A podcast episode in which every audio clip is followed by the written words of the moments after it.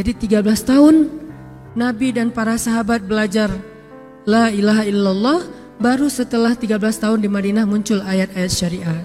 Syariat umroh, syariat haji, syariat puasa, syariat tilawah, syariat hijab Sehingga ketika ayat hijab turun Perempuan-perempuan yang sudah belajar La ilaha illallah selama beberapa tahun Tidak lagi sulit untuk menerapkannya Begitu ayat hijab turun dibacakan oleh Nabi di dalam masjid, semua sahabat-sahabat mendengar itu dengan sangat perhatian. Lalu mereka semuanya pamitan ya Rasulullah kami ingin pulang. Ngapain pulang? Mau ngasih tahu ke istri-istri kami supaya berhijab. Pulang ngasih tahu ke istri-istri mereka, saudari-saudari mereka, putri-putri mereka. Dan perempuan yang mendengar ayat ini dibacakan, langsung menutup kepala mereka dengan benda apa pun yang ada di tangannya. Mau jemuran, mau baskom, mau apa. Pokoknya pegang apa, tutup langsung. Hijab. Kenapa?